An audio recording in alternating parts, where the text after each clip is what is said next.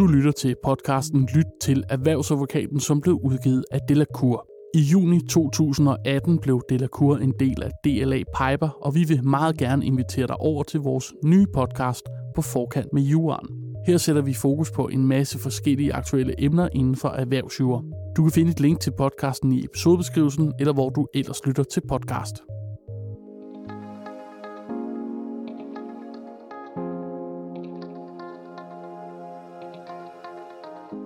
Du har med garanti allerede hørt om de fire små bogstaver, som får en kæmpe betydning for måden virksomheder skal opbevare og behandle data på, GDPR.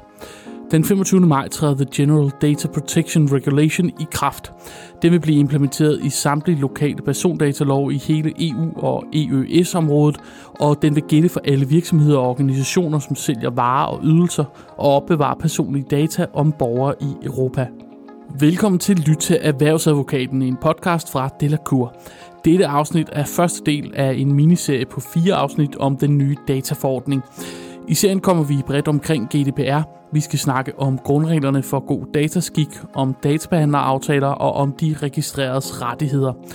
Det her første afsnit af serien er en introduktion til GDPR og ikke mindst, hvad den nye persondataforordning kommer til at betyde for din virksomhed. For hvad indeholder den nye forordning? Hvordan skal man forholde sig til den? Og hvad er persondata egentlig for en størrelse? Det vil Jon Lauritsen, der er partner og advokat i Delacour, hjælpe os med at blive meget klogere på. Jon, velkommen til. Tak skal du have. Hvad øh, er din rolle her i Delacour? Jamen, jeg er, som du også sagde, partner i Delacour, og jeg er ansvarlig blandt andet for vores øh, persondataområde, og det er noget, vi bruger rigtig meget tid på. Og der er nok ikke mange, der har kunne gå igennem den sidste stykke tid uden at øh, støde på det her udtryk GDPR. Det er jo fordi, der kommer den her nye forordning den 25. maj. Øhm, vil du ikke starte med at fortælle, hvorfor skal vi have en øh, ny dataforordning? Jamen, øh, det skal vi, fordi persondata er øh, blevet vigtigere, som tiden er gået. Sidste gang, vi fik regulering på det her område, det var i 1995, hvor vi fik et øh, direktiv om persondata, som blev implementeret i Danmark i 2000, så det er altså 17 år siden, og der er sket rigtig meget siden. Personoplysninger er blevet vigtigere, øh, og de er blevet mere værdifulde, og måden man behandler dem på, altså elektronisk, er blevet meget mere avanceret. Så det har større betydning, og der er større brugs, men også misbrugsmuligheder af personoplysninger. Så, så derfor er det vigtigt at øh, have reguleret og området, og det er, særligt sket med henblik på at beskytte de registrerede. Vi har jo også haft den her sag med Cambridge Analytica, som jo, som jo også viser, uh, hvilke bagsider der er at, at behandle i stort omfang. Nu øh, bruger du selv begrebet persondata, det er jo alt det, vi snakker om, men hvad er egentlig persondata? Hvad dækker, hvad dækker det her begreb? Persondata eller personoplysninger, det er alle oplysninger, der kan identificere en fysisk person. Og det er selvfølgelig navn og adresse og telefonnummer, e-mail, også en arbejds-e-mail. Øhm, det kan også være højde, det kan være beskrivelse af et modermærke, øh, alt hvad der kan identificere en fysisk person. Og jeg plejer at sige sådan lidt for sjov, hvis vi er i tvivl om, det er en personoplysning, så er det det. Hvad er øh, hovedlinjerne så i den her nye forordning? Man kan jo sige sådan lidt, øh, lidt humoristisk, kan man jo sige, at øh, den gode nyhed, det er, at øh, 80-90% af reglerne, det er dem, vi allerede kender fra persondataloven, som vi har kendt uh, siden år 2000. Den dårlige nyhed, det er, at der er næsten ikke er nogen, der overholder reglerne, eller i hvert fald overholder dem i en meget begrænset omfang. Så øh, man kan sige, hvis vi havde været mere opmærksom på reglerne i Danmark, altså både i virksomhederne, men måske også fra tilsynets side med at, at lave tilsyn, så ville det have været en evolution, men for mange virksomheder, så er det nok en revolution. Øhm, det store nye, det er, at vi skal kunne dokumentere, at vi overholder reglerne. Det vil sige, det er ikke nok at overholde reglerne, vi skal også kunne dokumentere, at vi gør det. Og hvad er det for nogle regler? Reglerne sådan i, i, i overordnet form, det er, at man må kun behandle personoplysninger, hvis man har et lovligt grundlag. Det vil sige, at man skal kunne pege på et sted i forordningen eller en anden lovgivning, hvor der står, at man må gerne behandle den her personoplysning. Øh, så skal man have gennemsigtighed, det vil sige, at man skal oplyse om, at man behandler øh, de her personoplysninger. Man må kun behandle til bestemte og savlige formål. Så øh, man kan ikke bare indsamle data, hvis man ikke har noget øh, formål med at gøre det, altså et savligt formål. Man må ikke indsamle flere data eller mere data end det, man har behov for. Det er det, der hedder dataminimering. Øh, og så skal man sørge for, at de oplysninger, man har, er øh, opdateret og korrekte.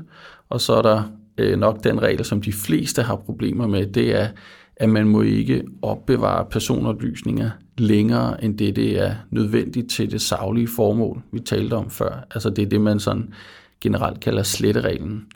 Øh, man må, man må øh, altså ikke, hvis man ikke længere har brug for oplysningen, så må man ikke blive ved med at behandle den. Og det at have den liggende i virksomheden, det er også at behandle den.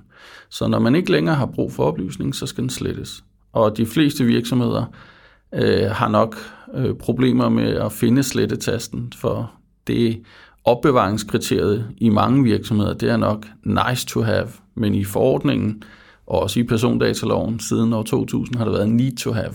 Så det er sådan, hvis man skal sige sådan de overordnede øh, grundregler. Øhm, og så skal man selvfølgelig behandle sine oplysninger på en god og sikker måde. Altså IT-sikkerhed er også en del af persondataforordningen.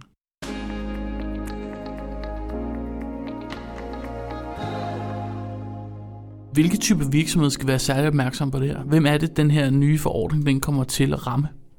Jamen, jeg tror ikke, der er nogen virksomhed i Danmark, der ikke bliver berørt af forordningen, men jo flere personoplysninger du behandler, jo mere skal du være opmærksom. Så, hvis, så hvis du er sådan en, en øh, B2B-virksomhed, så, øh, så vil det have mindre betydning for dig, men jeg kan ikke forestille mig, at der er nogen virksomheder i Danmark, som ikke skal lave noget om, som følger forordningen. Øh, alle virksomheder stort set har jo ansatte, og alle virksomheder behandler også personoplysninger. Men, øh, men der er forskel på, hvor meget man, energi man skal bruge på det. Så hvis du har en, en virksomhed, hvor du har mange private, øh, som du har kontakt med, og du har måske lavet en app, med, øh, hvor at du følger brugernes færden, altså sådan noget geolokation og sådan noget, så er der rigtig mange forskellige ting i, i persondataforordningen, øh, som man skal tage stilling til. Ja, for der er vel også nogle persondata, der er mere følsomme end andre. Jeg tænker for eksempel bankoplysninger eller CPR-nummer osv. Er vel, er vel langt mere følsomme end for eksempel en e-mailadresse. Jamen altså, der er sådan grundlæggende to typer af oplysninger i øh, forordningen. Der er personoplysninger, og så er der følsomme oplysninger eller særlige oplysninger. De særlige oplysninger fremgår af artikel 9 i forordningen, og det er sådan noget som race eller etnisk oprindelse, politisk, religiøs eller filosofisk overbevisning, fagforeningsmæssigt tilhørsforhold, genetiske eller biometriske data, øh, og så oplysning om helbredsmæssige eller seksuelle forhold. Øh, og det er de følsomme oplysninger. Hvis det ikke står i paragraf 9, eller undskyld, artikel 9, så er det ikke en følsom oplysning. Øhm, og det er jo primært fagforeningsmæssige tilhørsforhold og de helbredsmæssige oplysninger, der, der er det, man behandler mest. Altså, at en medarbejder har fem sygedage, det er en almindelig oplysning. Men hvis man skriver, at medarbejderen har haft fem sygedage på grund af øh, kold lungebetændelse, jamen så er det en følsom oplysning, fordi at når du har diagnosen eller årsagen til sygdommen med, så bliver det en følsom oplysning. Et CPR-nummer er en almindelig oplysning, men øh, en, en oplysning, som man skal passe særligt på, og den er også særligt reguleret i databeskyttelsesloven i Danmark. Øh, det øh, følger af artikel 87 i forordningen, at man godt må have CPR-nummersystem, og det har Danmark jo valgt at have og opretholde. Så et, et CPR-nummer er en almindelig oplysning, men er forbundet med en, med en større risiko, så det skal man passe bedre på, og der skal man, hvis man er en privat virksomhed, så skal man jo sikre sig, at man har et grundlag, øh, altså et hjemmelsgrundlag øh, for at behandle, og det er reguleret i databeskyttelsesloven.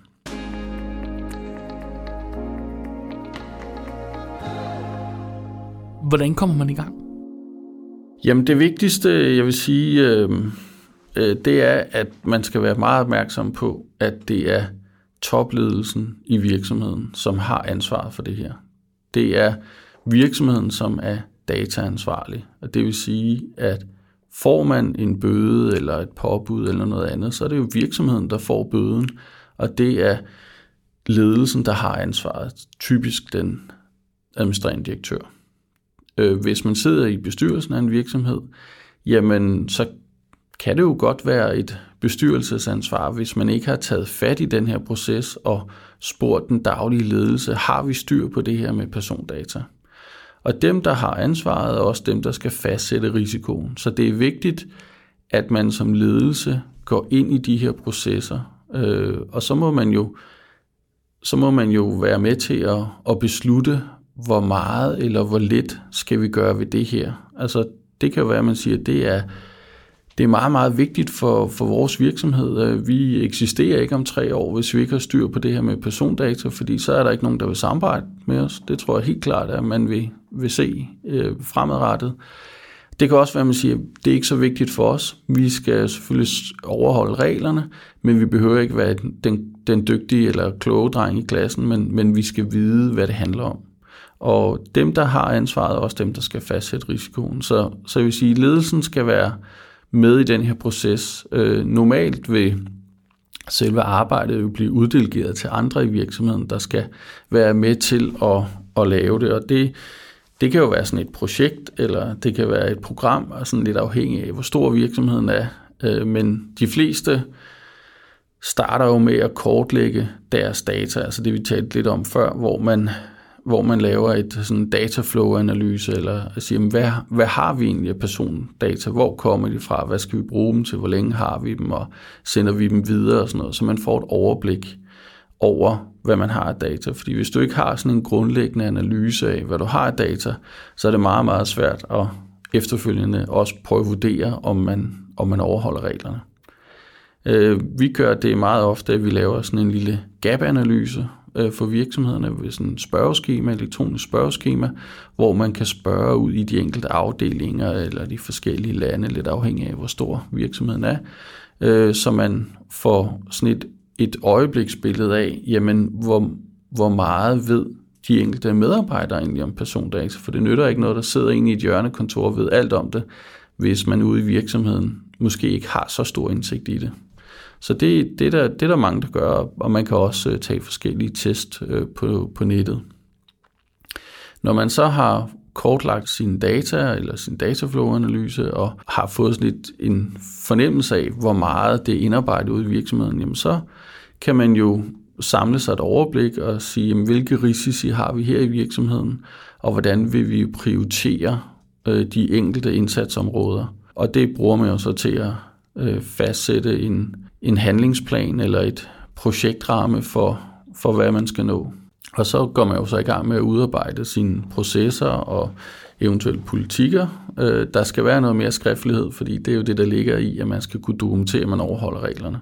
Og så snart man er færdig med det, jamen så skal man sådan set også begynde at føre kontrol med, om reglerne bliver overholdt og ajourføre sine politikker. Så det, det, det er sådan en, en proces, som, som sådan set ikke stopper. Men det første, man laver, det er jo selvfølgelig det store seje træk, og så efterfølgende så, øh, ligesom i andre compliance- eller kvalitetssikringssystemer, så skal man føre kontrol med, at man, at man nu også overholder reglerne.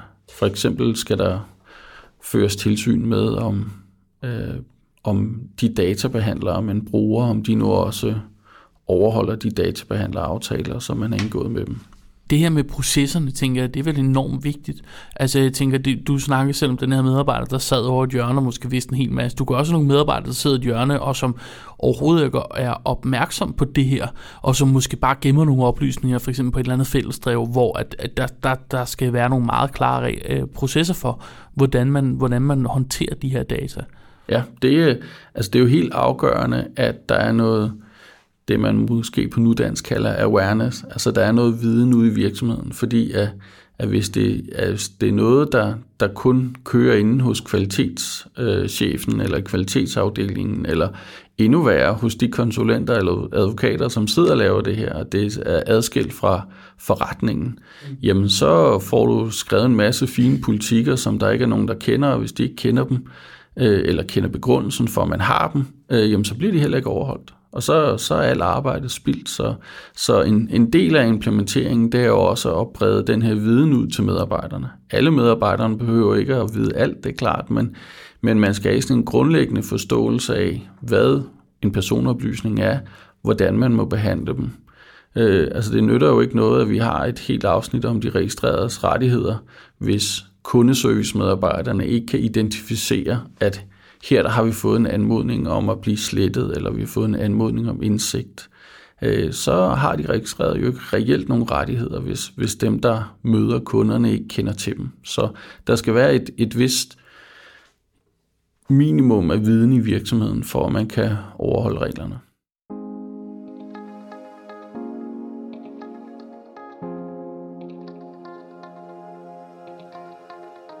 Du har lyttet til Lyt til Erhvervsadvokaten, som er en podcast fra Delacour.